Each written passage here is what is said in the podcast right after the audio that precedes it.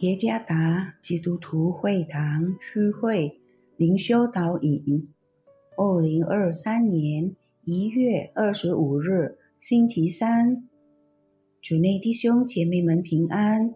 今天的灵修导引，我们要接着圣经腓立比书第二章第二到第五节来思想今天的主题：基督徒应当活得更像基督。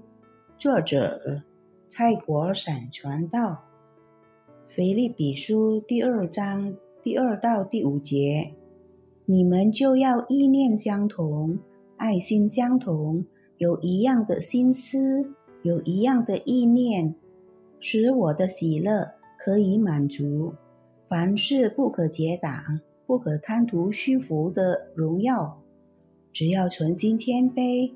个人看别人比自己强，个人不要单顾自己的事，也要顾别人的事。你们当以基督耶稣的心为心。中华民族文化其中一个优点就是聚集一块，和睦相处，相互相助。相信其他民族也有这优点。群体的生活若能和睦相处、相互相助，就能建立一个强大、坚固、关系密切的大家庭或者社区，一个不能被遗忘的群组。每当农历新年或其他节日，大家聚集一块时，我个人也体验到这点。我被要求。按照他们在家庭中的地位，一一称呼每个亲戚和家属，无论是堂兄弟、叔叔、阿姨还是其他人。这种习俗的用意，为的是尊重长辈和保持家庭中彼此间的联系。我的父母也不断提醒我，要记住。并与我的兄弟姐妹和亲戚保持亲密关系。每一个人都有自己的愿望和志向，我们常注重自己的欲望，因此强烈要求大家附和。这样一来，很容易引起彼此之间的冲突，甚至纷争。这就是为什么华人家庭重视并尽力维持彼此之间的联系。在今天所默想的经文中，身陷狱中受苦的保罗仍然喜乐，因为他可以因基督的缘故而经历这一切苦难。但有一件事。使他感到心灵沉重和悲伤，这当然不是与他本身有关，而是腓利比教会信徒没有同心合一。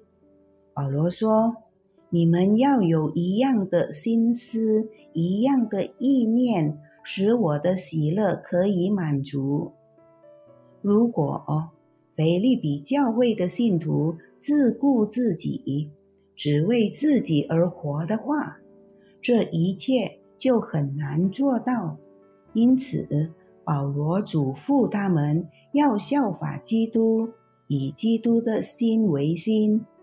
效法基督，应当成为教会生活的方式。教会信徒必须活像基督。基督的榜样是，他本有神的形象。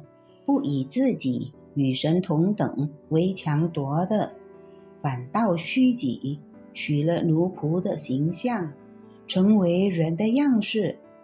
既有人的样子，就自己卑微，存心顺服，以至于死，且死在十字架上。同样，信徒也必须谦卑自己，尊重别人的利益。当基督从死里复活，并得荣耀时，荣耀归于父神。信徒也当如此，献上一生，荣耀天父上帝，过一个合一的生活，不贪图虚浮的荣耀，保持彼此间的联系和亲密，不是只在某些时刻，不要只在农历新年的时刻。在日常的生活中，也该如此行，将合一建立在坚固的根基上，就是在耶稣基督里，永远跟随他，并与他的心为心。应当保持教会生活的合一同心。